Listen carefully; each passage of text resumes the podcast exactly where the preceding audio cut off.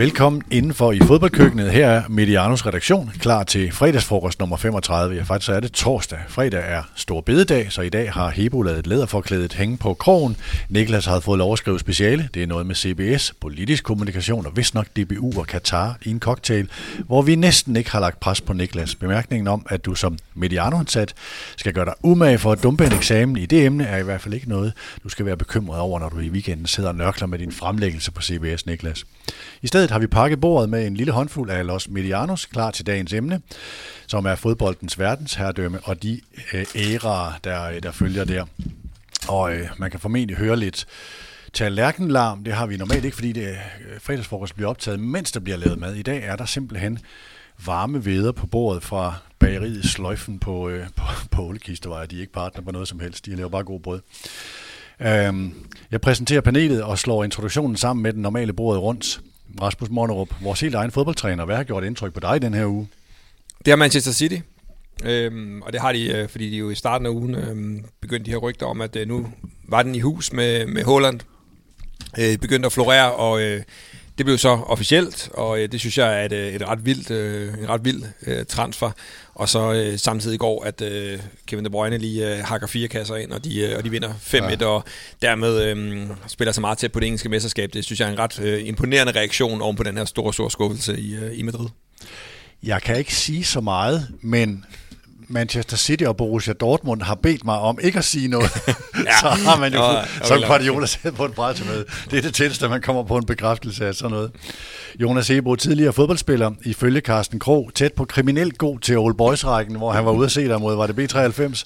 Du har prøvet en uge, hvor du ikke har været ude i verden. Hvordan var det at se familien? Ja, det er rart. Vi har haft travlt. Vi har været til både stævne i Flyng og til træning i Rosen og i gedint regnvejr i går med sådan en fireårig dreng, men det, det, det, det tager ikke noget fra dem, så øh, en regnvejr, det udlægger ikke noget. Jeg ved ikke, om jeg er kriminel for god, men øh, det er rart at prøve at være den hurtige, en af de hurtigste øh, til fodbold. Det var mod, øh, det er meget FCK, men sådan med, øh, jeg kan sige med al respekt, og det kan jo gå begge veje, både for Old Boys og for anden division, så er der jo, render der, altså, render der en del anden divisionsspillere rundt, eller omvendt, nogle del, en del af de her spillere, der har spillet på landsholdet, der render og spiller Old Boys, de vil, de vil ikke falde igennem i anden division, det tør, jeg, det tør jeg godt garantere. Okay. Og med al respekt for dem, jeg har spillet med, som var gode, så spiller jeg også på hold med nogen, som har været på, på et lidt højere niveau af til. Okay, Krog, han var bare meget imponeret over din elastico-dribling nede ved baglinjen. Jamen, det er heller ikke sikkert, det, altså, nu kan jeg jo sige med ro i sjælen, at øh, ham jeg lavede den på, det var klart modstanderholdets bedste hold, og, og jeg er ikke sikker på, at der er nogen, der har lavet den på med CA, så den kan jeg godt sove godt på. Hvem var det? Men det var Carstens tennismarker. Og det var Krydrup? Ja. Okay. Han er ikke vant til at løbe så meget, når han spiller tennis, har jeg hørt. Så øh, fik han lige lov her. Han står inde i midten og styrer det, ligesom i badminton. Hvad har gjort indtryk på dig, Hebo?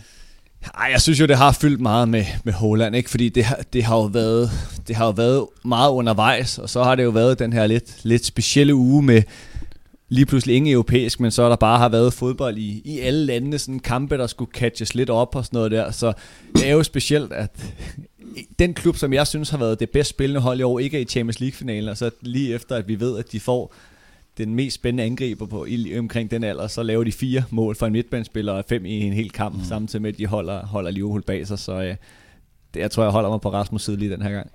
Så har vi Carsten Krog, journalist og forfatter. Hvad har berørt dribleren fra Kibæk? Øhm, Carlos Alcaraz, som er en tennisspiller, øh, der vandt en... Øh, jeg håber, det er i orden, med at taler tennis. Vi kommer nok til at tale lidt tennis i dag, faktisk. Ja, Eller noget. Det er der er, der er en ung spanier, som øh, vandt en øh, meget stor turnering i Madrid, hvor alle de bedste i verden var med. Han slog øh, verdens to bedste tennisspillere nogensinde øh, i to dage efter hinanden, nemlig Rafael Nadal og øh, Novak Djokovic.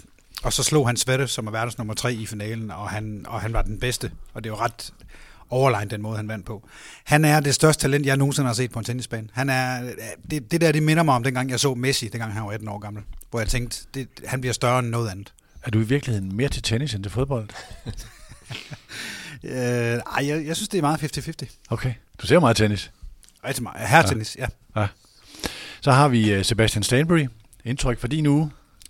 Og jeg noterede mig, at Jesper Lindstrøm blev årets rookie i Bundesligaen i går. Ja, det er så med flot. Det er så vildt. Og fik mig bare til lige at stoppe op over og tænke over den der vilde karriereudvikling. Ikke? Fordi jeg kan huske der, da han... Da vi begynder at se en lille smule til ham fra Brøndby i sådan noget tidligt efterår 2019, og kommer ind, og man tænker, talentfuld spiller. Lidt et modsvar til det der Sorninger øh, snak om, at der ikke er nogen talenter i, i Brøndby. Men så ryger han jo holdet igen. Altså går vi to år tilbage, er han ikke fastmand for Brøndby. Så har han en sæson sidste år, hvor han er en, en juvel på Brøndbys mesterhold og en kæmpe profil på det. Men jeg, jeg er ikke sådan overbevist om, at han ikke er et one-season wonder. Og nu er han en profil i Bundesligaen og den bedste rookie i Bundesligaen og skal spille en europæisk finale om mindre end en uge, hvis han ikke er, hvis han ikke er, hvis han kommer over sig over sin skade, ikke? Jeg synes det er, han er simpelthen så god. Jeg, jeg elsker at se ham spille, og det er så fedt at han bare har taget helt... Vi ser så mange danske spillere, som gør det så fint i Superligaen, og så kommer de ud og kan ikke helt tage skridtet. Og det virker som om, det næsten har været gnidningsfrit for ham. Jeg synes, det er så imponerende, og han er jo en oplagt kandidat til starter på det danske landshold, når vi skal til VM. Er det som om, at der er færre af de der, der rejser ud, og hvor det så bliver lidt for store skridt, og så kommer de hjem igen og øh, skal blive nye profiler i Superligaen, eller er det bare et tilfælde? Ej, der er, der er noget med en, en generation af danske spillere, som rent faktisk klarer det. Altså, vi kan jo også se Rasmus Nissen, som Mm. Måske ikke klaret den i første omgang i Ajax, men kommer så til, til Østrig og bliver en stor profil der, ikke? Alexander Bar forlyder, det skal til Benfica nu, ja, og så være ja. drøn op og ned af højrefløjen dernede og sådan noget. Så der, der er noget grøde i det, der er noget kvalitet i de spillere, som Superligaen sender ud. Det, det er ret fedt, at, at netop du siger, hvor mange gange har vi ikke set det her, ej, hvor var han god i Superligaen. Vi glæder os til at se ham dominere Premier League, eller Holland, eller hmm. tysk fodbold, og så er han hjemme øh, et år senere. Ja. Altså, det, det er fedt, at de rent faktisk kan flyve, når de kommer ud. Det er rigtigt, ja. Mit navn er Peter Brygman. Er der andet, vi skal vinde under bordet rundt? Nej. Så har jeg lige øh, to servicemeddelelser. Et, vi har lagt vores kanaler om. Al vores indhold om fodbold udkommer nu i to, og i kun to kanaler. Mediano 1 og Mediano 2.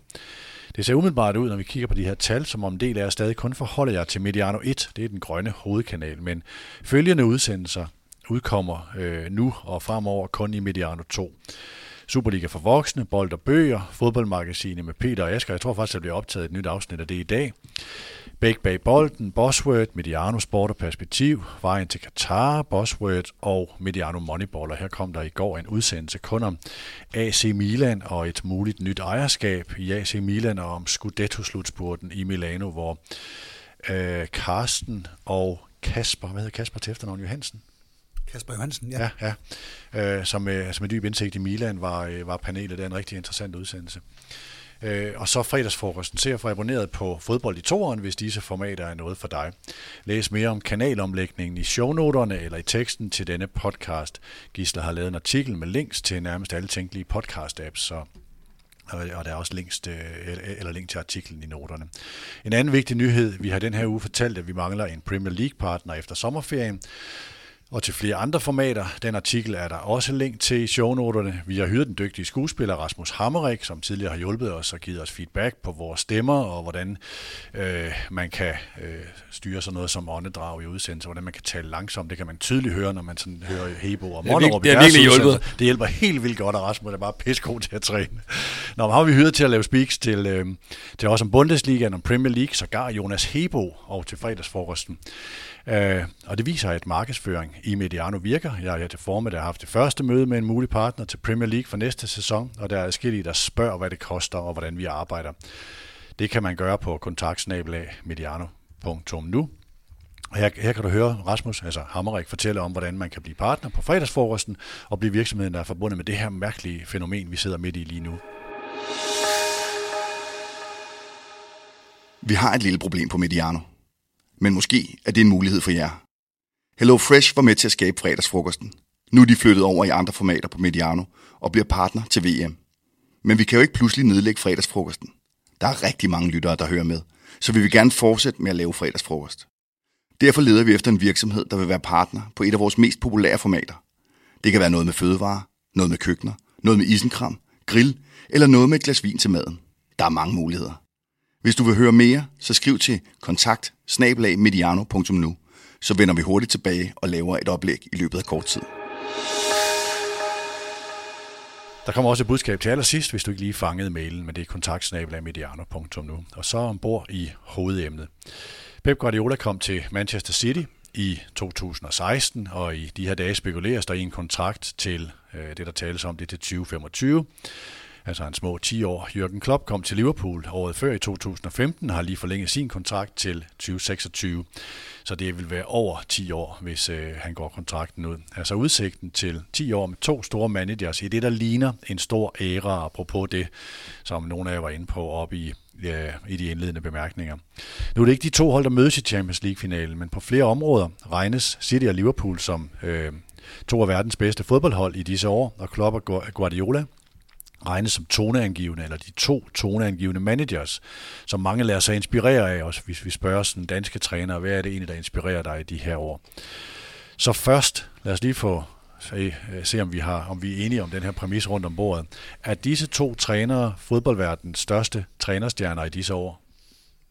Ja, det synes jeg ikke. Der, altså, der, der er rigtig mange dygtige trænere øh, rundt omkring, men øh, den øh, opmærksomhed, der er omkring de her øh, to, øh, to trænere, og de præstationer, de har, de har leveret, øh, der, øh, der er det da, øh, hvis, hvis jeg i hvert fald skulle lave en, øh, en liste, så ville det være nummer et og to på den liste. Hvad siger andre? Ja, med, med største sandsynlighed vil jeg også have dem i, i top 2, men jeg synes, at der er, altså, der, der er nogen, der byder sig til, og det er jo også i forhold til, hvilken, hvilke ligaer man følger, og i Danmark må vi jo bare sige, at den mest eksponerede liga er Premier League, og det er den, der er udover Superligaen flest, der går op i. Men øh, det er jo interessant nok at kigge på, at den træner, øh, der tjener mest i verden, øh, det er efter sine Diego Simeone, som jo har været der i længere tid end de her to trænere. Det han har opbygget, den måde, som øh, Carlo Ancelotti har slået tilbage på, er jo interessant, fordi det er jo Siden han var i Milan tilbage i, i nullerne, øh, er det jo ikke kontinuitet, han har bygget sin karriere op på, men det her med at skifte fra sted til sted og få dem til at opnå, ja, i realiteten ret hurtige resultater. Og så tænker jeg egentlig, at ham jeg vil have, hvis jeg alligevel skulle lave en top 3 i top 3 med de to, som, som vi skal snakke om og snakke om nu, det, det må alligevel være Zinedine Zidane, altså fordi at han har, mm. han har det også, altså Pep var en fin spiller, og, og, og i den grad mere end en fin spiller, men her snakker vi en af, af, af tidernes største spiller, øh, Zinedine Zidane, og den måde, som han første gang gjorde Real Madrid til Champions League dominerende, kom tilbage og gjorde det en gang til, øh, og der bliver det næste skridt for ham jo så, om han kan gøre det med en anden klub, om han kan gøre det i et andet land, eller om det er mm. kun Real Madrid, der er hans, fordi det må vi jo trods alt sige, at, øh, at selvom Klopp har været sådan lidt uh, underdoggen til Pep, så har han jo været to steder, som også var to store klubber, uh, og, og Pep han har været i, ja, i mange af de største. Jeg har også Dimione, Diego Simeone med. Det er et fedt navn faktisk, Dimione. Dimione, det kunne vi godt tage. uh, det kalder jeg ham bare, det kalder vi hinanden. Han kalder mig Sipper. um, Simeone har jeg også med i den her, hvis jeg skulle lave en top 3. Men han falder sådan lidt udenfor, fordi her har vi de her klare rivaler, som står over for hinanden og hele tiden kæmper om mesterskabet i Premier League, og hvert år regnes som en af favoritterne til Champions League, hvor Dimeone Simeone gør det igen. Det, var det, det er kongenavn. Simeone kører sit eget løb sådan lidt ned i, i Atletico. Øh, men han har også formået det der, som også Ferguson kunne, da han var i Manchester United. Det der med at genopfinde et hold. At alle hans øh, spillere forsvinder stort set, og så finder han nogle nye og skaber et nyt øh, storhold, som kunne vinde mesterskabet i, i 2014, og så igen i, i 2021. Øh, og så er han, hvis jeg skal pege på tre trænere, som virker urørlige, hvor man siger, at de, de bestemmer selv, hvor længe de sidder så er det de tre. Så er det Guardiola, og så er det Klopp, og så er det mm. Dimeone, som vi nu kalder ham. Hvor meget betyder det øh, for den her snak om en æra, og det vi taler om nu, at, øh, at det var at Tuchel vinder Champions League sidste år, Herr Flick gjorde det året før det, og Carlo Ancelotti er i spil om et par uger. Hvor meget betyder det? Er det stadigvæk en æra, uanset at de her ting sker, og det ikke er sådan en verdensherredømme, hvor de bare skiller det mellem sig? Jeg, jeg synes faktisk kun, det styrker rivaliseringen på en måde, og det er okay. fordi, at Guardiola ikke vinder den. Fordi forestil jer, at Guardiola havde vundet. De vinder jo, Man City vinder jo, på trods af, at det er en rivalisering, og det er jeg fuldstændig enig i, Klopp mod, øh, Klopp mod Guardiola, City mod Liverpool. Så vinder City langt flest mesterskaber, og kommer nok også til at gøre det i den her sæson. Hvis City så oven købet lige to, tre, fire Champions League titler i de sæsoner, to, tre Champions League titler i de sæsoner, så var det så overvældende en dominans. Men det, at der rent faktisk ikke er lykkes for ham i Champions League, og der er det ikke så vigtigt, at det, Klopp kommer til at, at har vundet en og, med Liverpool, og kommer måske til at vinde en mere i den her sæson. Men det, at der er nogle andre, der kommer ind og bryder det lidt, så der ikke også er City-dominans der, gør, at det føles lidt mere jævnbyrdigt, synes jeg. At Guardiola har nogle mangler. Hvis vi lige bliver i fodbolden, øh, er det her en rivalisering, der kan sammenlignes med noget historisk? Det, jeg tror, de fleste kommer til at tænke på, det er nok Alex Ferguson og Arsene Wenger. Jeg synes faktisk, den er lidt svær, fordi øhm, nogle af de der sådan, historiske rivaliseringer har jo ofte øh, gået på selvfølgelig et, øh, et øh, konkurrenceforhold mellem øh, nogle, øh, nogle trænere, men har også været sådan en kamp om spillet. Altså en kamp om at spille fodbold på en bestemt mm. måde. Øhm, og nu er jeg trods alt ikke så gammel, at jeg kan huske det, men jeg kan jo øh, trods alt læse, så det, kan, det tænker jeg også er til, at altså, det er jo den her måde i argentinsk fodbold, øh, hvor man har delt tingene op i, øh, altså i forhold til Bilardo og, øh, og Menotti, og, og den her, altså at se spillet på to meget forskellige måder. Altså Menotti som den der øhm, ambassadør for det smukke spil, øh, der gerne vil spille god fodbold, der hellere vil vinde 4-3, og så øh, Bilardo som selvfølgelig den her defensiv træner, øh, øh, tenderende det svinske spil. Øh, Dimione vil nok være ret øh, inspireret af, af ham, må, må, man, øh, må man sige. Og selvfølgelig også de her historier om øh, sovepiller i, øh, i de brasilianske spillers øh, dunke og sådan nogle ting, øh, for, for at gøre dem sløve i, øh, i det var VM i 90.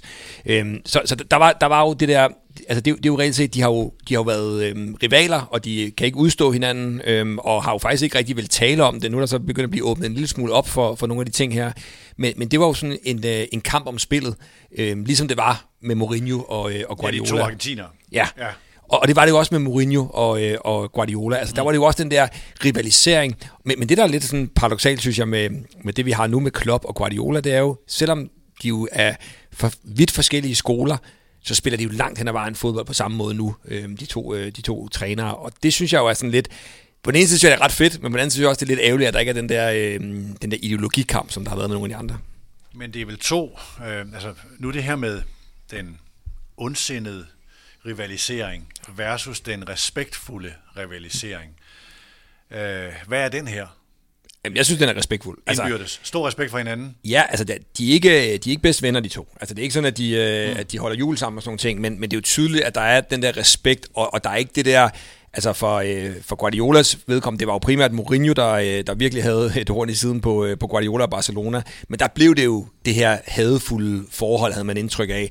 Det, det, det synes jeg ikke, man kan sige med, med Klopp og Guardiola. Og det kan du sige, er det ærgerligt? Det, det synes jeg faktisk ikke. Jeg kan godt lide den respekt, der er mellem de to mm. træner, fordi den smitter også af på spillerne. Altså, det er jo derfor, at, at uh, Van Dijk og, uh, og De Bruyne, kan, deres børn kan gå til fodbold sammen og gå i børnehave sammen, og de kan, de kan sidde og snakke efter kampen, og de kan hygge sig, når de har spillet kampen. Det kan jeg jo ret godt lide, men jeg tror også, andre vil synes, at det er federe, hvis der er den der uh, Mourinho-Guardiola-stemning, som der var i det spanske.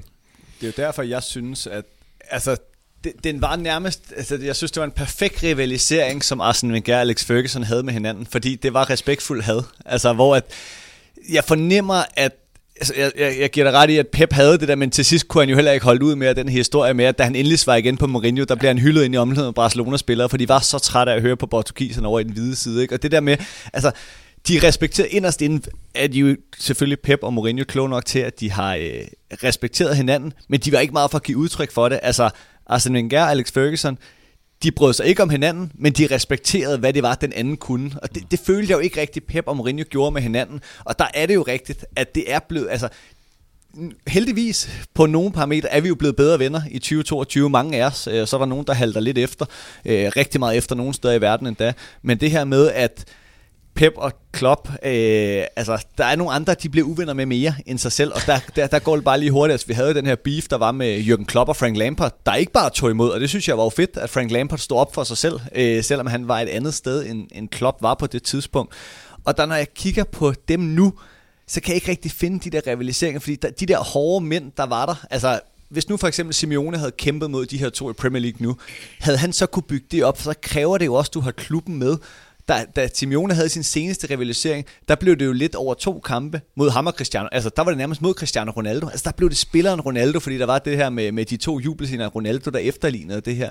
Det, der har Real Madrid, altså Zidane har for meget respekt for alt, at han gider ikke gå ind i en kamp med Simeone, da der var der. Og Simeone, det er sådan mere alle, alt omkring sig, han går imod, men er jo meget kærlig omkring sine egne. Mm. Og, og det mangler lidt, og der dengang, altså også med Ferguson og Wenger, altså vi kan jo alle sammen huske, hvor meget Vira og Keane fyldte, men også den her historie med, med, hvad hedder det, med, med, med pizzaen og Sesk, som vi alle sammen den dag ved, at det var ham, der kastede pizzaen, og nu griner man lidt af det. Men forestil jer, at der havde været en semifinalkamp, eller en eller anden kæmpe kamp et eller andet sted, og så bagefter, så var der en spiller, der havde kastet en pizza i hovedet på en af spillerne, eller på en af managerne. Altså, det sker bare ikke den dag i dag. Vi hører i hvert fald ikke om det. En teenager, der havde kastet en pizza i hovedet på den mest legendariske ja, manager i spillet. Ikke? Det er jo helt vanvittigt. altså.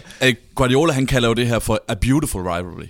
Og jeg kan da godt forstå, at han er lettet over, at det ikke er for, så forbandet hårdt, og at han skal gå ind på en eller anden hjemmeside og sådan, åh oh, nej, hvad har Mourinho sagt, nu sagt om her. Men altså, jeg kan jo godt lide cirkuset. Det må jeg erkende. Jeg er nok ham, som Monnerup øh, henviser til. Jeg kan jo godt lide cirkuset. Jeg kan jo godt lide, at det ikke kun fylder noget de 90 minutter, hvor Liverpool og City giver os nogle fantastiske kampe, men at det også fylder lidt før, og der kommer nogle historier, som man bare ikke kunne forudsige. Altså, og der tænker jeg ikke kun på Mourinho og Pep, som måske endda tog en lille smule overhånd, fordi de gik så meget ind på banen og blev altså modbydeligt vemmeligt at se på, synes jeg, til tider, øh, rent spillemæssigt. Men, øh, men Wenger Ferguson, som også havde nogle hårde kampe, også på banen og sådan noget, men der kom bare nogle sjove slagsmål i pressen. Altså, alle burde gå ind på, på YouTube og så øh, finde det der klip, hvor det er... Øh, Wenger har brokket sig over kampprogrammet i England, og så kommer, det er meget tidligt det her i 90'erne, og så, kom, så Ferguson han svarer, he's come from Japan, og så vil han øh, belære os om, hvordan man skal, kampprogrammet skal være i England og sådan noget. Og den der foragt i stemmen, der er på Ferguson, da han siger Japan, det skal man bare undre sig selv. Altså det der med, at, at det bliver lige pludselig en del af rivaliseringen også, det synes jeg jo er fedt. Det giver et ekstra lag til det også. Og det mangler vi lidt her, men til gengæld får vi noget fantastisk fodbold. Lad os lige prøve at gå over i øh, uden for fodbold, eller sådan den, den brede sportsforstand og de her rivaliseringer. Øh, det jeg skulle forberede den her udsendelse, sad jeg i går på, på Getty Images, eller der er billedbagbasen, og kiggede på Bird og Magic og Borg og McEnroe og alle de her. Og der kan man jo så se, øh, altså de her atleter, slår måske igennem som 20-årige eller 25-årige, og så har de en 5, måske 10 års indet rivalisering. Og så har de en 40-50 år, eller hvad det nu er i resten af deres liv, hvor de lever i billedet af den her rivalisering, og de huskes som en del af en tvikkamp. Altså Borg og McEnroe læses jo ind i det her. Jeg ved godt, at nogle af dem har haft andre rivaliseringer øh, øh, øh, på siden, og hvad var egentlig den største. Men det der med storheden mellem to rivaler, som kommer til at styre hele deres liv, og som jeg selvfølgelig styrer det, den periode, hvor de er i. Øh, altså det her med, med, med, når to atleter, to trænere kæmper om verdensherredømmet, altså inden for en idrætsgren forstås, og især hvad det gør ved de her to, kan storhed afle mere storhed. Øh, jeg nævnte nogle navne, da, sådan, øh, da det her emne kom op, og øh, nogle af dem har jeg nævnt til ham. Der er også Agassi Sampras, der er Ayrton Senna versus Alan Prost, der er Federer Nadal, der kan du tage Djokovic med, så er der måske tre, jeg ved ikke, om jeg kommer for meget ind på Carstens enemærker her. Mohamed Ali, George Foreman eller George Fraser versus Cassius Clay, det er så også Ali. Tyson Holyfield, Messi Ronaldo, Palmer Niklas, Bert uh, Magic Johnson eller Peyton Manning og Tom Brady eller den anden Manning, tror jeg, dem der har forstand på det, der vil sige. Og herhjemme Ole Olsen, Hans Nielsen, Rolf Sørensen, Sørensen, Bjarne Ries, for dengang vi ikke vidste, eller var helt sikre på, hvor stor en rolle lægerne egentlig spillede. Lad os lige prøve at kigge på det her. Må jeg, lige, må jeg spørge om noget til det? Mm. Fordi jeg kendte jo kun de der navn Messi og Ronaldo. Jeg ved ikke, hvad alt det andet var. Men øh, det er sådan en helt andet snak. Nej, det gør jeg jo. Men jeg, der, jeg stusser over to ting, fordi det her med, hvor, eller jeres mening omkring, bliver navnene større af, at de har haft den her rivalisering? Altså nu, hvis vi tager udgangspunkt i Ronaldo og Messi, havde de ikke været lige så store, hvis de ikke havde haft en anden? Fordi der er jo to navne, der ret tidligt falder mig ind, og jeg ved ikke en brik om det, men jeg ved jo og har set alt omkring Michael Jordan og Tiger Woods. Altså, kunne de have blevet større, hvis der havde været en, der havde haft dem helt op til sokkerholderne? Eller havde man så tænkt mindre om dem, fordi så har der været en, der havde været tæt på? Altså, det vil jeg godt prøve at svare lidt på. Jeg følger meget med i amerikansk sport, det ved jeg også Sebastian, han gør. Øh, jeg, jeg tror Tiger, jeg synes Tiger, han manglede en rival. Altså man forsøgte, man forsøgte at tale Phil Mickelson op. Og Phil Mickelson havde nok også vundet 3, 4, 5 majors mere uden Tiger. Men problemet var jo, at Phil Mickelson havde slet ikke, han havde slet ikke det niveau, som Tiger havde. Der var simpelthen ingen, der havde det niveau, men det var nærmest aldrig nogen golfspillere, der har haft før. Så, så han blev sådan lidt fanget i det der ingenmandsland. Jeg, jeg vil sige, at han var blevet, han var blevet endnu større, mm. hvis man kan blive større i golf end Tiger Woods. Jamen det er det, jeg mener. Det, ja. Der svarer du til sidst på det. Altså, øh, kunne han, men, men jeg synes, nogen... det, er, større, at der ikke er nogen, der kunne nå dem til sokkerholderen. Men det... jeg, jeg, tror ikke, at han var blevet større, hvis vi tager Tiger Woods og Michael, Michael Jackson. Ikke for at afbryde dig, Carsten. Michael Jackson, han var jo bare... Ja. Ej, okay, det sejler med navnet. han lavede gode sange. Ja, jeg var han ud i noget råd også, men... Uh... Han har træner Burnley. Ja. Michael Jordan. Uh, for, netop fordi de var defineret ud fra deres suverænitet. Ja. Altså i min bog. Mm. Og, uh, og det, det, at de bare var urørlige, var, gjorde, at de fik den status, som de gjorde. Der var sådan en statistik, jeg, jeg hørte for nylig, og nu husker han bare for hovedet, så I må, I må undskylde, at den er helt upræcis. Men det var sådan noget med, at der var en, der vurderede i de store turneringer i golf, fra sådan noget 19, øh, 1997 til 2013, hvor mange slag, øh, hvor de lå henne med slag, og hvor øh, Tiger Woods var sådan noget et eller andet 100 under par i de der, i de der år, i, de, i, de, i majors, tror jeg det var og den, der var nærmest, var 100 over par. Så han var 200 slag bedre ja. i den her periode. Øh, det, det var sådan helt... For mig viser det suveræniteten i det, og det, det, det, det styrker også nogen, men, men fortællingen om nogle af de her personer bliver jo større, at vi hele tiden måler dem op imod Men- nogle andre.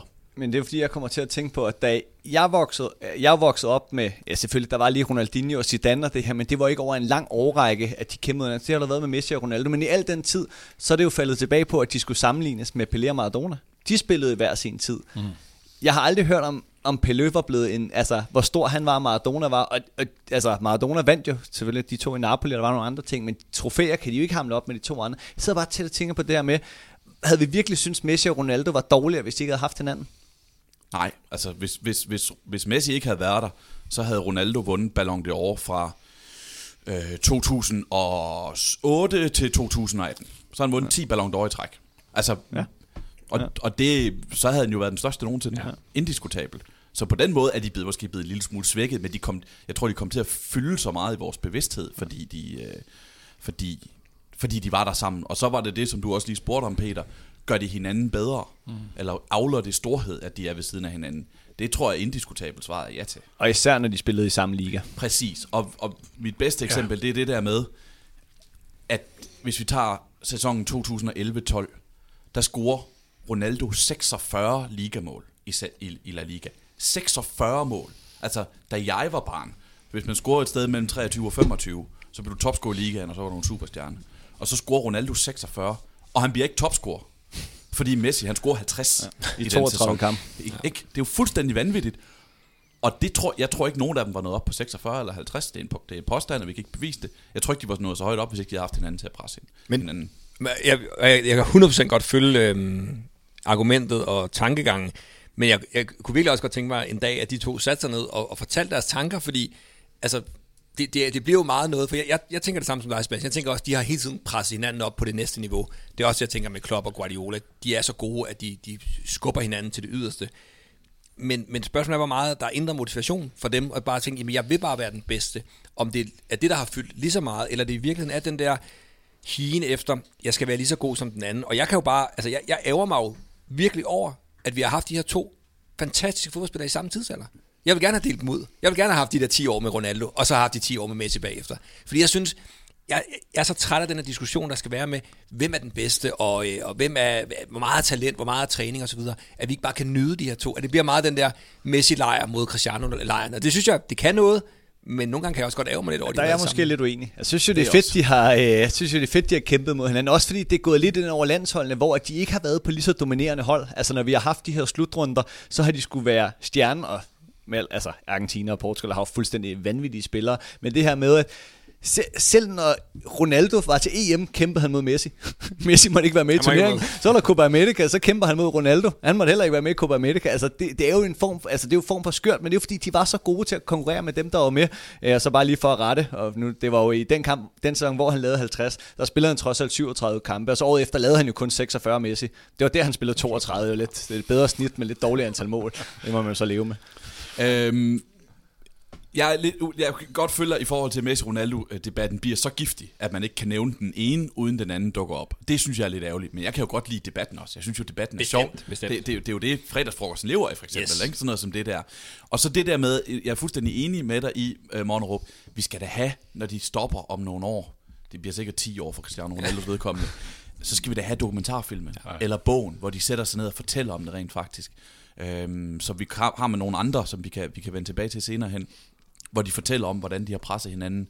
Der er et eksempel i øh, den bog, som Simon Cooper udgav sidste år, der hedder The Barcelona Com- The Barca Complex, tror jeg, den hedder, hvor øhm, øh, Simon Cooper interviewer Kylian Mbappé, og Mbappé fortæller om 2018-19 sæsonen, hvor han er altså en, en 20-årig øh, topscorer i, i PSG, og scorer så mange mål, at han er en kandidat til at vinde den gyldne støvle i Europa. Mest scorende spiller i Europa. Men som han siger, hver gang jeg scorer to, så scorer Messi tre. Hmm. Og hver gang jeg scorer tre, så scorer Messi fire. Og det, han fortæller i bogen, at han på et tidspunkt brokker sig over det til, øh, til øh, Osman Dembélé, der jo spiller sammen med Messi i Barcelona, og, og, og som Mbappé spiller sammen med på det franske landshold, og hvor han ligesom siger sådan, altså det er da utroligt, altså holder han øje med mig, eller hvad? Og så siger Dembélé, Selvfølgelig holder han øje med dig. så det tror jeg også godt, vi kan regne, regne med, at uh, Messi og Ronaldo har gjort i de år der. Så må vi jo bare rose Dembélé, for han har holdt øje med det, for han var lidt søvnig i den ja, periode præcis. i forhold til at uh, møde op til de forskellige steder. Men, men, men det er jo en rigtig god point også, som du selv var inde på det der med, at i, i vores barndom, ungdom, der med de der 23-25 mål, fordi det var, jo, det var jo normalen, og det er jo der, hvor de bare har skubbet, altså normen er jo bare blevet en helt anden, og det er jo fordi, de har konkurreret mod hinanden, så, så den køber jeg 100% i forhold til, at der ligger det der i det, men det er bare sjovt, hvor meget der sådan virkelig ligger dybt i dem, at de vil være bedre end den anden, eller hvor meget det er bare, at de vil være den, den bedste generelt, ikke? Ja, ja, fordi de siger ja. jo altid, indtil vi får dokumentaren om 10 år, Ja. ja. så siger de jo, ej, det handler om mig og mit hold, og øh, han spiller for et andet hold, og jeg spiller bare for Barcelona og forsøger at gøre mit bedste der og sådan noget. Det har de jo sagt, ikke? og det, det er jo lidt kedeligt. Jeg vil jo det, gerne have, at de ja, lige siger. Der, hvor at jeg kan følge dig lidt, Rasmus, i forhold til at dele op med æra, altså hvis vi havde haft en 10 år hver, det er nok mere de andre. Altså, fordi I ved godt, det der med ordet undervurderet, det køber jeg ikke, for det er op til dem, der vurderer dem. Men prøv lige, når man sidder sådan og tænker på de bedste, og vi snakker de allerbedste sæsoner, som dem der i aldersgruppen lige under, altså dem, der er på de der 29, 30, 31 år nu, ikke?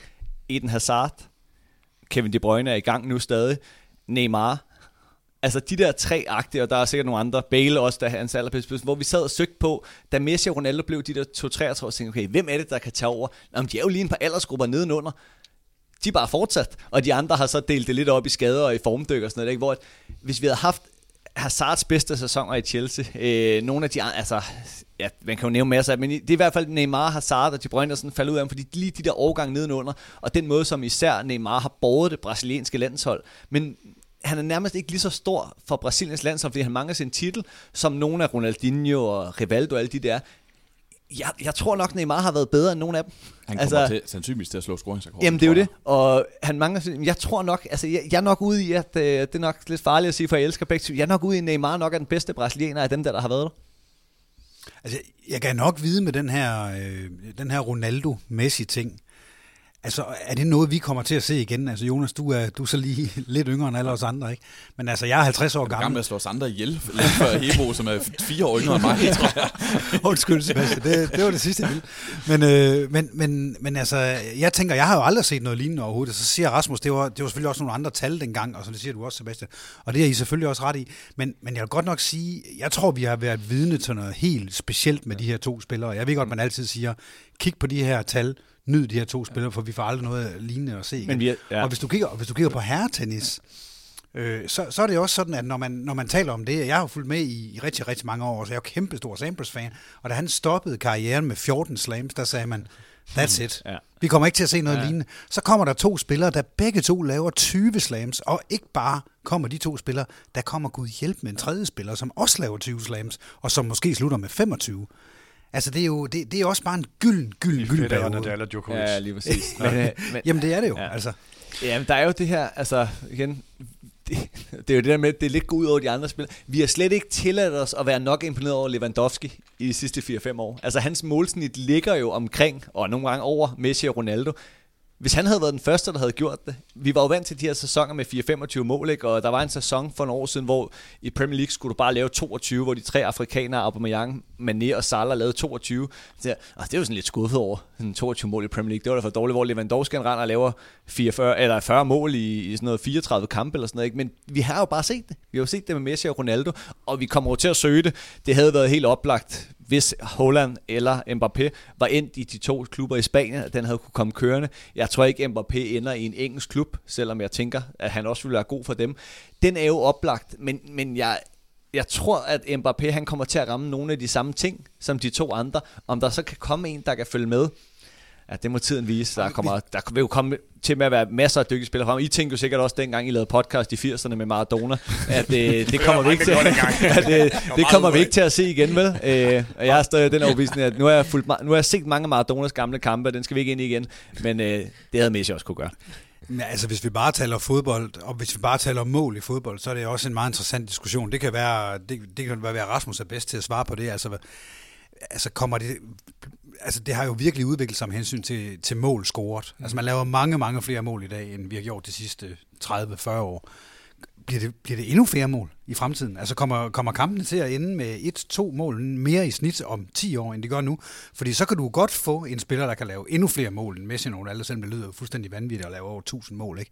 Men, men bliver det det, eller kommer der til at ske noget andet med fodbold? Bliver det, kommer der en eller anden defensiv ting, som gør, at, man, at, man, at det bliver anderledes. Skal vi have en videre også, Sebastian? Det er jo, ja, præcis. Det er jo enormt, øh, det er enormt svært at, at spå om selvfølgelig. øhm, Og det har været, der har været sådan en tendens til, at det går jo lidt sådan i, øhm, i bølge, bølgedale i forhold til den måde, at så kommer der en periode, hvor der bliver scoret rigtig mange mål, og så er der et hold eller nogle flere hold, som vinder på at spille meget defensivt, og så bliver det det, der bliver den nye, den nye trend.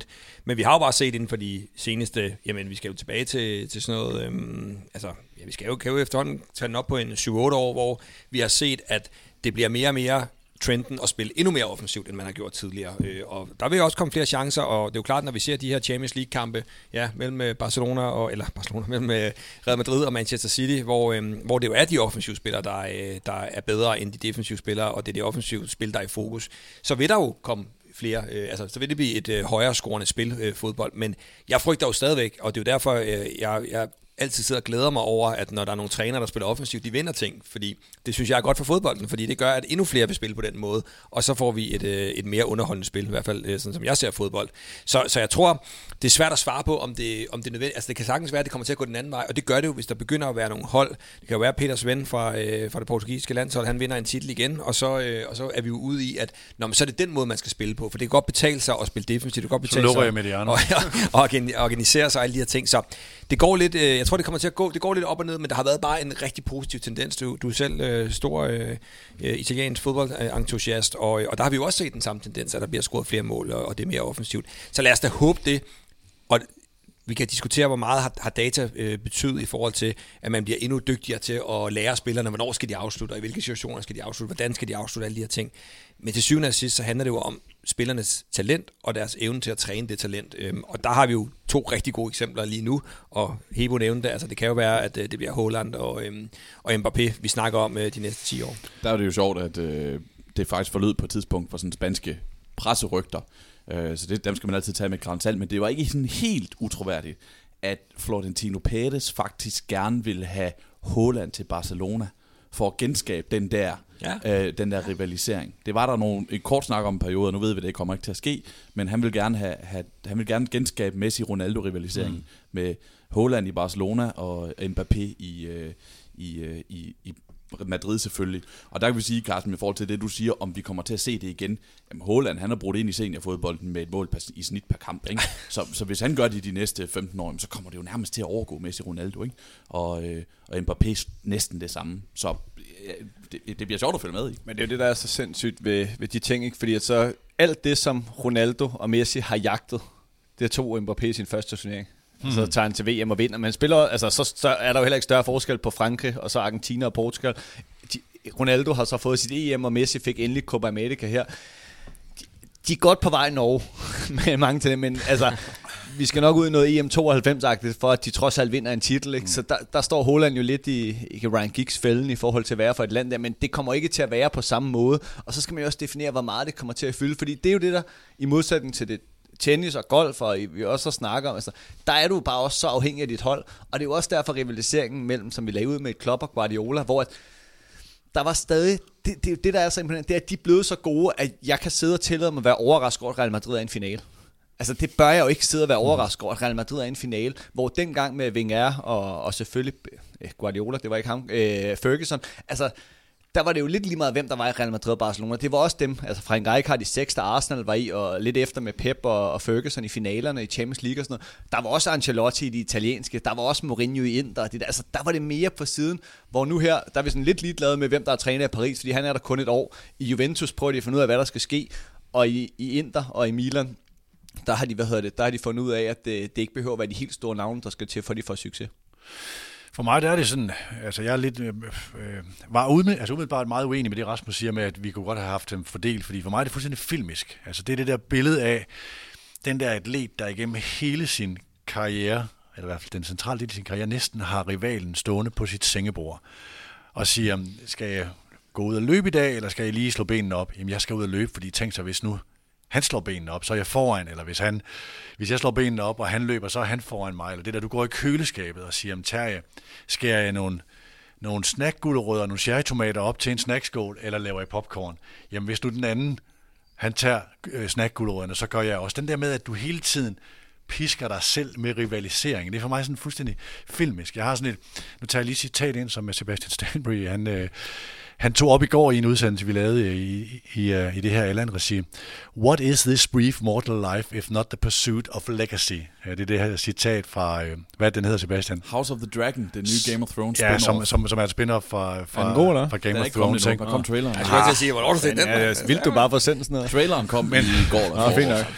Citatet kommer ind i en diskussion om Superligaen i forhold til, at hvad er det, vi husker af holdene og sådan noget. Det er en lang, lang uh, tangent, men selve citatet er jo centralt, fordi det der med at blive dødelig og lave det der, som bare, du er i gang med noget, og jeg tror mange af de her atleter, de har en bevidsthed om, jeg er i gang med noget. Jeg tror, Victor Axelsen i øjeblikket ved, at alt, hvad han gør af træningsdage, er en investering i en historieskrivning. Vi har Eskil Ebbesen gående hernede i gangen en gang om måneden, når han kommer og laver Sundhedsmagasinet. Ikke? En mand, der har vundet fem olympiske medaljer, som ved Gud også har roet mange overtag i forhold til en historieskrivning. Jeg tænker ikke, han har måske ikke haft Paul Elstrøm stående på sit natbord, men det der med at sige, jeg skal gå fra den her karriere med det størst mulige aftryk, og jeg tror jo, den bliver større, hvis du har rivalen. Den bliver i hvert fald som historie for mig smukkere ved, at du har rivalen. De der, nu er jeg sådan, øh, jeg har dækket tennis, og jeg fulgt mange af de der, var samtidig med Becker og Edberg, øh, og øh, ikke så meget Borg og, Borg og McEnroe, selvom jeg var til Bo- Bjørn Borgs comeback i Monaco med trækhetcher, da han kom stavrende med den dernede. Ikke? Øh, men de der, de er bare så fantastiske, de der historier. Og jeg tror bare, når man sådan ser deres, deres tid efter karrieren, så er det, så er det, du, altså, så er det tvikhampen, der står som historieskrivning i højere grad, end det er eneren. Selvom der også er, altså det var fuldstændig ret, dem der, dem der sagde det her med, med, med Pelé og Maradona fra forskellige tidsalder, jamen er de mindre? Og de, så, så jeg kommer i tvivl, men for mig er det bare, historien er i hvert fald bedre i det filmiske, i, i tvikkampen. Ja, så er der jo det her interessante med at kæmpe mod rekorder og mod... Når du så er stoppet, øh, så er det kun Paul Scholes, der lige kan komme tilbage og slå en rekord i et Manchester derby. Men det her med... Nu nævnte Victor Axelsen, ikke? Altså, jeg tænker, der Peter Gade glad øh, på dansk badmintons vegne, men der er måske også noget inde i ham, det der med, at de ville jo være verdens bedste, og det vil blive ved med at være. Ikke? Altså, der nok, han ville nok gerne have været kæmpet med ham, eller været den største nogensinde. Hørte jeg for at gå over i fodbold igen, øh, Peter Crouch havde besøg Alan Shearer her den anden dag, hvor de kom ind på det der med rekorder. Altså, prøvede de at regne ud, hvor mange mål Harry Kane skulle lave i snit resten af sin karriere for at overgå og blive den mest scorende Premier League-spiller. Ikke? Jeg, kan sige, at Alan Shearer han var i godt humør i den der podcast, men det var ikke sådan, at han grinede af, at Kane bare skulle lave 20 mål de næste fire år i træk, fordi det kunne han godt se kunne lade sig gøre. Ikke? Altså den der forfængelighed er der også, hvor mm. man oplever tit det der med, når der er nogen, der skal ind og aflevere en rekord, altså det er jo sådan venlighed og respekt, mm. men man ved jo godt, at inderst inde, der er jo et eller andet, der nærer dem lidt, ikke? fordi så bliver de jo slettet fra historiebøgerne. Altså så er der en anden, der tager over.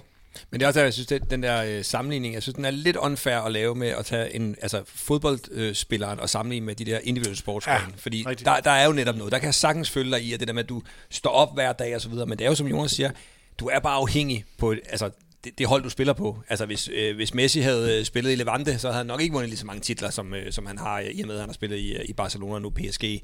Så der er jo også det her med, altså, hvor meget betyder det for de her spillere at vinde de her personlige titler, og hvor meget betyder det at vinde titler med holdet. Øhm, og der tror jeg, at de fleste stadigvæk måler det op mod de titler, man vinder med holdet. De er trods alt vigtigere, end ja. øh, hvor mange individuelle titler man har vundet. Hvis man kan vinde begge ting, er det super, men det er jo trods alt et holdsport. Ja, det er rigtigt, der er en forskel der. Altså noget af det sådan mest nære, øh, ikke fordi jeg kender det specielt godt, men altså øh, Mikkel Kessler og Joe Kalsake, eller Kalsaki, i forhold til sådan deres øh, efterfølgende møder, når Danmarks Radio har bragt dem sammen til årsshowet eller sådan noget. Ikke? De to har så stor respekt for hinanden. Deres historie er vivlet ind i hinanden, og deres storhed er forbundet med den anden. Og hele deres liv er en stor respekt for den anden. Jeg synes, det er enormt smukt, og det er enormt smukt at se dem. Dem, der har stået og smagt hinandens sved og nærmest også blod, have så stor øh, beundring, respekt og næsten kærlighed for det, den anden har skabt. Ikke? Jeg synes, jeg, jeg, jeg, Og de det har bogstaveligt talt, de har bogstaveligt talt, slået hinanden i hovedet. Altså. Det har de den Og så krammer de hinanden, når de ser hende. Altså, jeg synes også, Borg McEnroe-historien er, er ret fantastisk, ikke? fordi i virkeligheden så den der rivalisering er nok større i dag mellem Federer og Nadal. De har også vundet meget, meget mere ikke? med deres 20 slams. Altså, Borg, Borg stoppede jo karrieren i realiteten i en alder af 25, spillede så en kamp, i, da han er 26, og stoppede karrieren. Og vandt alligevel de her 11 slams. Øh, han var i 12 finaler, og vandt 11 af de finaler der, hvilket var ganske imponerende. Men en anden ting var jo, at det der med, at der gik der 10 år, så gik Borg jo øh, konkurs, altså på røven, og øh, der var jo rygter om selvmordsforsøg og alt muligt på Bjørn Borg. Og det endte med, at han satte øh, alle sine Wimbledon-trofæer til salg, hvor så John McEnroe, som altid, de har faktisk altid rigtig godt kunne lide hinanden, de to. Bjørn Borg var altid den eneste, der kunne tale, der kunne tale John McEnroe lidt ned på banen. Altså han er, han, er, han er decideret gået hen til ham i en kamp, hvor John McEnroe har stået og svoglet af dommeren og råbt og skrejet, og så, så Bjørn, Bjørn Borg lige så stille op til nettet, så har han sagt til, til John McEnroe, skal vi ikke bare spille færdigt, det er jo en god kamp. altså at få ham ned på jorden på den måde. Men han ringede til Bjørn Borg, dengang de der øh, trofæer, de blev, de blev øh, sat til salg, og så sagde han, altså hvad sker der? Hvad, har du brug? Jeg, jeg køber dem gerne til dig. Og fordi John McEnroe har været god med sine penge og kommer også fra en rig familie.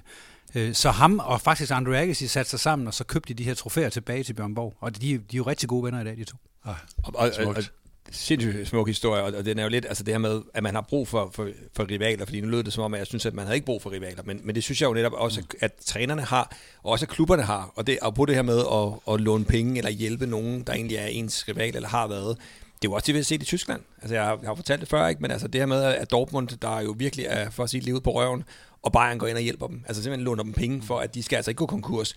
Og det er jo for en smuk historie og alle de her ting, men det er jo også fordi, de har brug for dem. De har brug for de der rivaler, og det har de her klubber. Altså, Manchester City havde jo ikke været lige så suveræne og flot spille i den her sæson, hvis Liverpool ikke havde været så gode, og omvendt. Øhm, altså, hvis de havde præsteret på niveau med Manchester United, nogle af de, øh, den anden klub, jamen, så havde det jo været ret kedeligt at se Premier League. Nu er det jo fantastisk at se Premier League, så der er jo noget om, at man presser hinanden op øh, mod øh, det fulde potentiale. Men der vil jeg også godt lidt udfordre den der Klopp Guardiola rivalisering, fordi jeg er ikke jeg, synes, jeg ved ikke rigtig, om jeg synes, at, øh, at Klopp han har vundet nok til at være en del af sådan en rivalisering der. Nej, det er heller ikke, altså, Klopp er heller ikke bange for selv at gå ind i underdog. Altså, han har vundet ja, to tyske mesterskaber, ikke? Øh, og så har han vundet øh, et engelsk mesterskab på syv år. Snart syv år. Ja.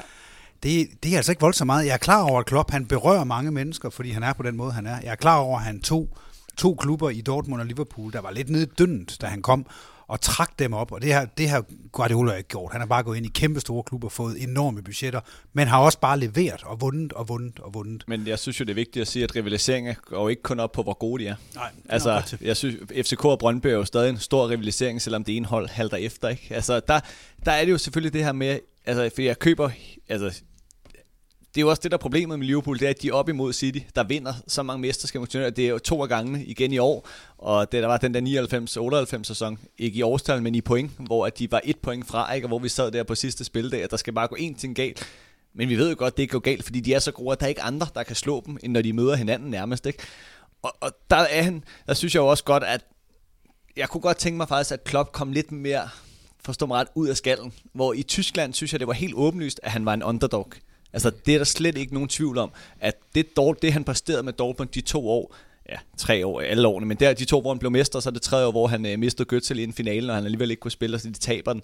Hvor at budgetterne i Premier League, der er gigant forskel. Jeg synes bare stadig, når jeg kigger på Liverpool, ikke? altså også, øh, jeg tænker, at nogle Liverpool-fans, der er lidt utilfredse over Holland og alle de her ting. Men det er også dem, der går ud og henter Luis Diaz, med al respekt. Der, han er ikke Holland, men jeg siger, jeg siger Luis Diaz om tre år, men altså lad os nu se, om han er Salah på det, det tidspunkt. Til, ikke? Van Dijk og alle uh, hentede Van Dijk over Manchester City og de her ting. Ikke? Jeg synes godt, han kunne tillade sig at træde lidt i forhold til, hvor karismatisk han er, og hvor meget Liverpool så vi det her klip med, med Son, hvor han lige rusker med og siger, this is special. Altså, han køber ind på præmissen, ikke? men Liverpool er ikke en underdog-klub.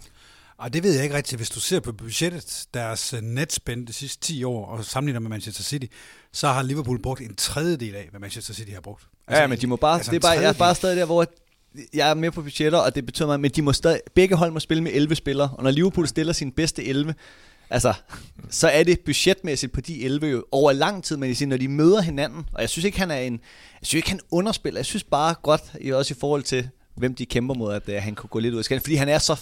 Altså, han er jo, jeg synes, Jørgen Klopp er sej, men han skal bare også passe på med uh, ikke at være en tude, når han ikke er sej. Og der er jo netop en risiko for, at den her rivalisering, som vi gerne vil tale om nu, og som vi jo taler rigtig meget om, at den, øh, den fiser lidt ud, hvis det ikke ændrer sig, det her billede. Altså, fordi det er jo også klart, hvis Manchester City bliver mester de næste øh, 3-4 år, og øh, måske det, også... det havde været meget bedre, hvis Liverpool havde vundet i år. Jamen det er jo det. Altså, det, hvis, det kan der, vi alle sammen. Kommer den der, det, det, det, kan de stadig nå, Carsten, ikke? Men, men hvis der kommer den der, hvor man kan sige, de deler lidt mere titlerne imellem sig, altså, så, så kan det måske noget mere, fordi, og, fordi du har jo en pointe i, at så har han heller ikke vundet mere, øh, Jürgen Klopp. Altså, og det er jo lidt det, der er med den her tid i Liverpool, hvor de har spillet fantastisk fodbold og øh, betaget rigtig mange mennesker, men der har jo bare ikke været de der titler, hvor man må sige, okay, det er en periode, der er fuldstændig, øh, der vil være fuldstændig episk. Der er det jo stadigvæk trods alt kun et mesterskab, øh, og så er det den her, øh, den her Champions League-triumf, som selvfølgelig Der er vi er tilbage ved Sebastians point, ikke? Ja, fordi Champions League, ikke? Den tæller bare for mere end en.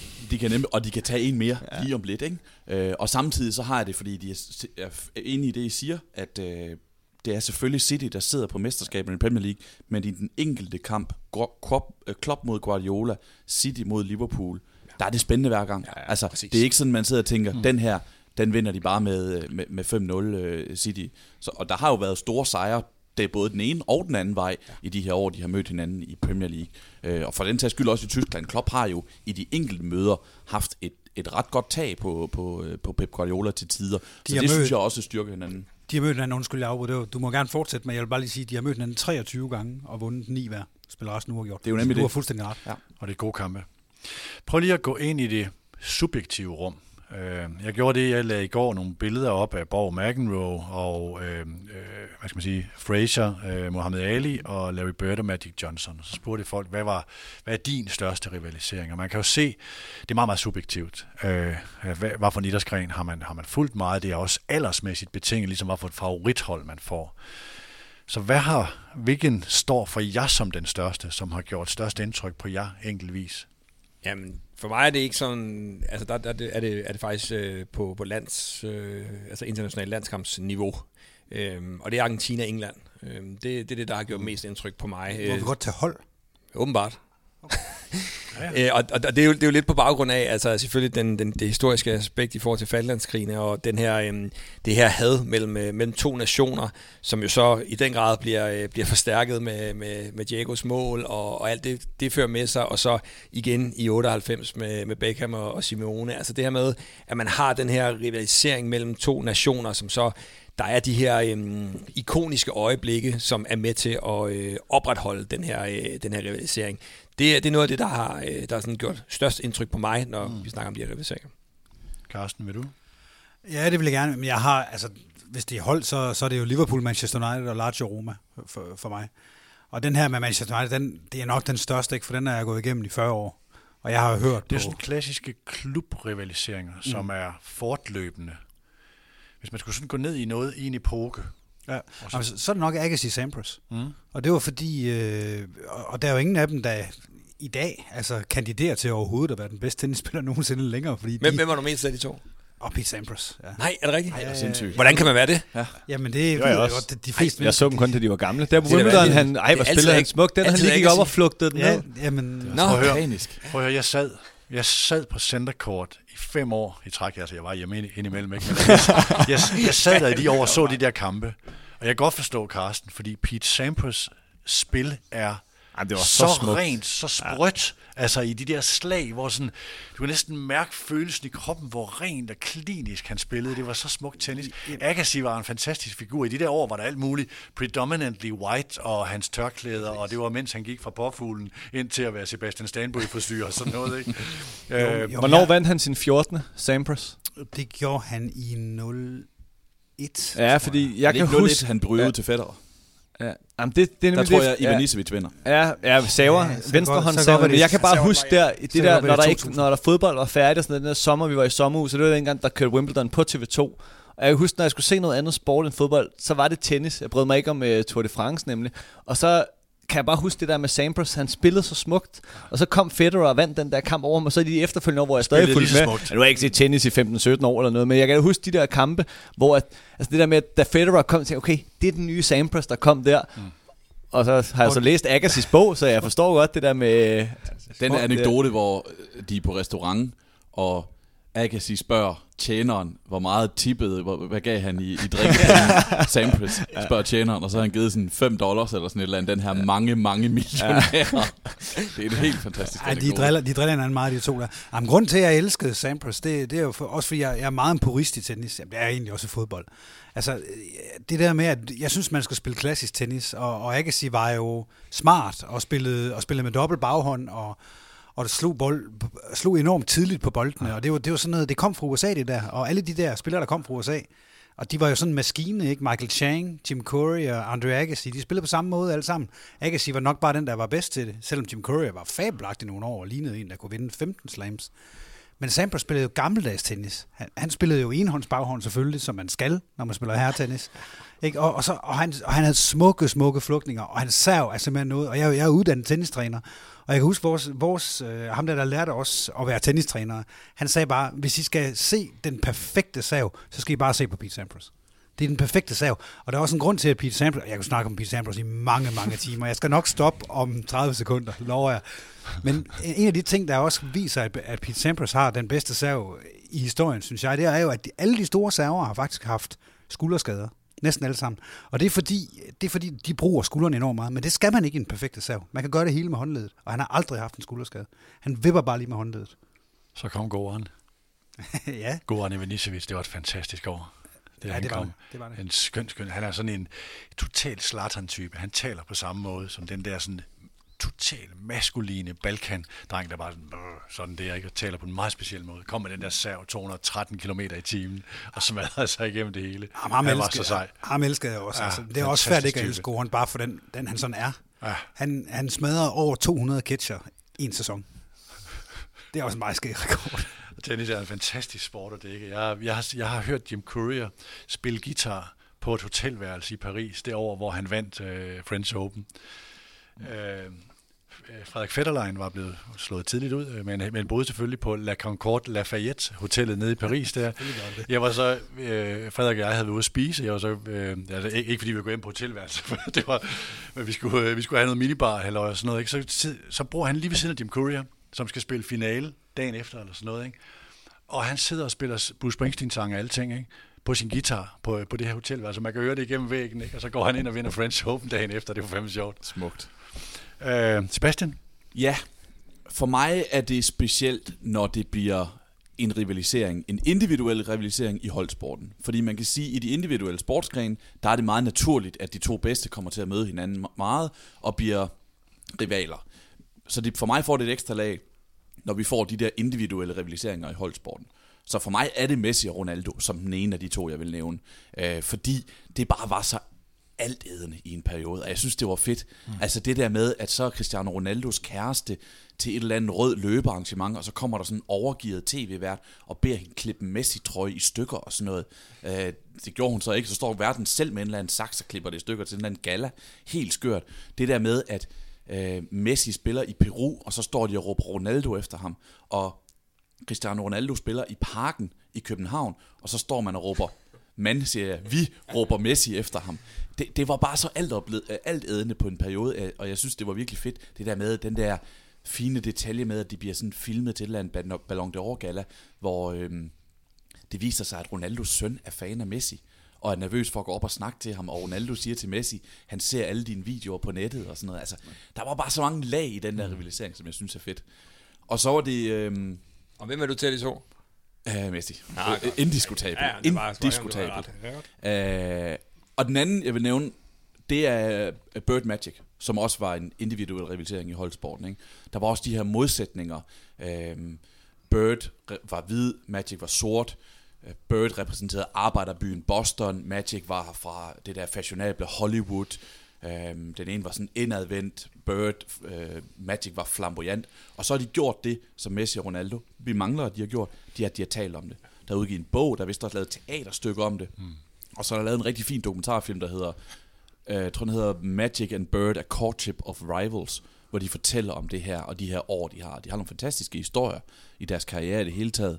Øh, og det her med, at der siger Bird jo, det første han gjorde, når han vågner om morgenen, det er at tage avisen og sige, hvad gjorde Magic i går? Hvad, hvor mange point lavede han i går? Ikke? Og så der, han gjorde det jo det der med at, at blive bedre og presse sig selv på baggrund af, hvad hans rival gjorde. Og i starten af 90'erne, da han faktisk er basketinvalid, altså han, han har en fuldstændig ødelagt ryg, som han vist nok har ødelagt ved at, øh, at, at lægge, en, øh, lægge fliser i sin øh, indkørsel, hvilket også siger noget om, hvilken type han var. Så, øhm, så det, der det motiverer ham til at forsøge at komme i gang igen og nå sit højeste niveau, det er en finale mod Magic. Det vil han gerne opnå igen. Det, det synes jeg er... Jeg glæder, jeg glæder mig til, at vi får de historier om Messi Ronaldo. Jamen, de der dokumentarer, jeg vil ønske, at vi, vi skulle virkelig have lavet sådan en liste om, øh, om de der til det her, til det her øh, format. For jeg tror også, der er, noget, der er nogle ishockey-historier, der er nogle Formel 1-historier, der er nogle af de der, som er virkelig velbeskrevne og velfortalte i, ned i de her ting, hvor igen respekten og storheden øh, altså, bliver, bliver ofte nøgleord i det. Ikke? Jonas? Messi og, Messi og Ronaldo. Øh, ja, du har argumenteret godt for det. Jeg synes, det, altså i fodbold er den jo, jo fuldstændig åbenlys, fordi at de har kunne gøre det, de har gjort. Jeg synes, det var på sit højeste, da det var i La Liga og Champions League, i forhold til, at Barcelona vandt alle mesterskaberne i par. Altså, Real Madrid dukkede op en gang imellem, men og så i Champions League gik det, endte det med at gå den anden vej, og det der med, når man så Real Madrid om lørdagen, så afhængig af, hvor mange mål Ronaldo lavede, så vidste vi, hvad Messi ville lave dagen efter, og næste weekend var det omvendt, så det var ligesom programmet, der blev afgjort, hvem der lavede flest mål. Det var, det var det var og er så fascinerende, og at de så har kunne gøre det i så mange år. Og, det, og så synes jeg jo egentlig også, det er meget sundt at vide, at, at de ikke bare kan blive ved, og alligevel kan de stadig godt. Altså Ronaldo, han er oppe på 18 mål i Premier League, så er det heller ikke værre. Øh, Messi har lagt op til over et tocifret antal i Ligue 1, har så ikke lavet lige så mange mål, men vi har jo set men trods alt lave nogle ret vigtige mål i Champions League, så øh, ja, ja, men jeg er også meget fascineret af det der med at kæmpe mod historien, altså at kæmpe mod fortiden, mm. det her med, kan, det, det kommer han til at desværre at gøre, siger jeg desværre, fordi jeg tror ikke, at Mbappé kommer til at spille for Arsenal, men han kommer til at overgå Henri. Men i forhold til det, at han kommer frem, det der med, at man ved sit første øje kan se, der er noget der, der minder om noget. Altså jeg synes det, som Arsenal-fan, at, det er, at historien er god, og det er fascinerende at se Saka og Smith Rowe få taget billeder med Bergkamp og Henri, for kan I opnå noget af det samme øh, i, i Spanien omkring Pedri? Kan han blive som Xavi, Iniesta og de her ting? Det synes jeg er, er hammerende interessant. Og så jeg, jeg er ikke så meget til, jeg ser ikke så meget andet sport som jeg i andre, men jeg blev alligevel, at bruge det der med fortiden og nutiden, så blev jeg blev ret fascineret af dart her i slutningen af 10'erne, og har også over at se det. Jeg synes, det mest interessante, det var det her med, når Van Gøren, han skulle møde Taylor. Altså det her med, at den, ham, der har fyldt altid og bestemt og været den bedste, stadig inden han stoppede, skulle nå at kæmpe mod ham, der kommer til at dominere. Øhm, det synes jeg er fascinerende. Og det er jo så også lidt det, vi ser, har set med Mbappé Øh, når han har spillet mod Ronaldo og Messi, før de, de så blev holdkammerater. Må jeg nævne en mere, Peter? Mm. Øh, som jeg så, da du flade for det på vores sociale medier, der var en, der nævnte, jeg tror endda, det var en parentes, øh, Lennon McCartney.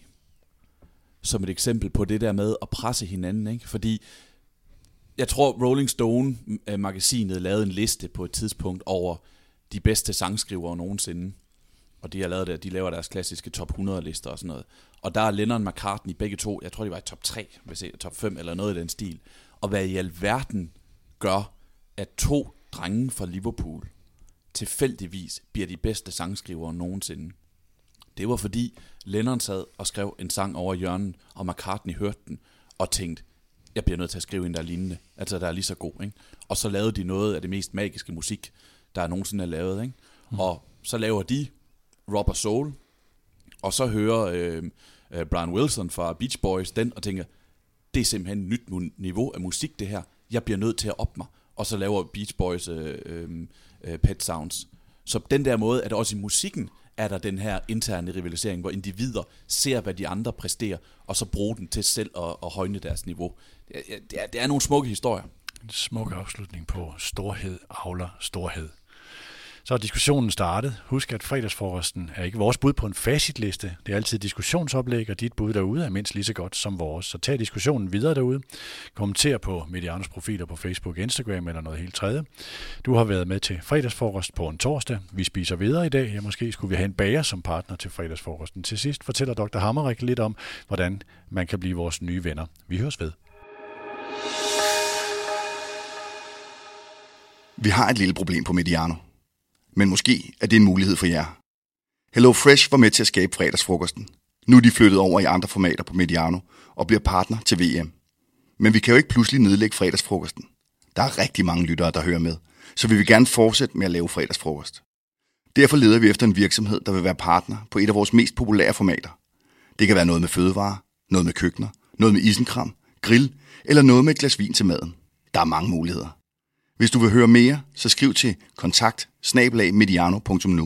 så vender vi hurtigt tilbage og laver et oplæg i løbet af kort tid.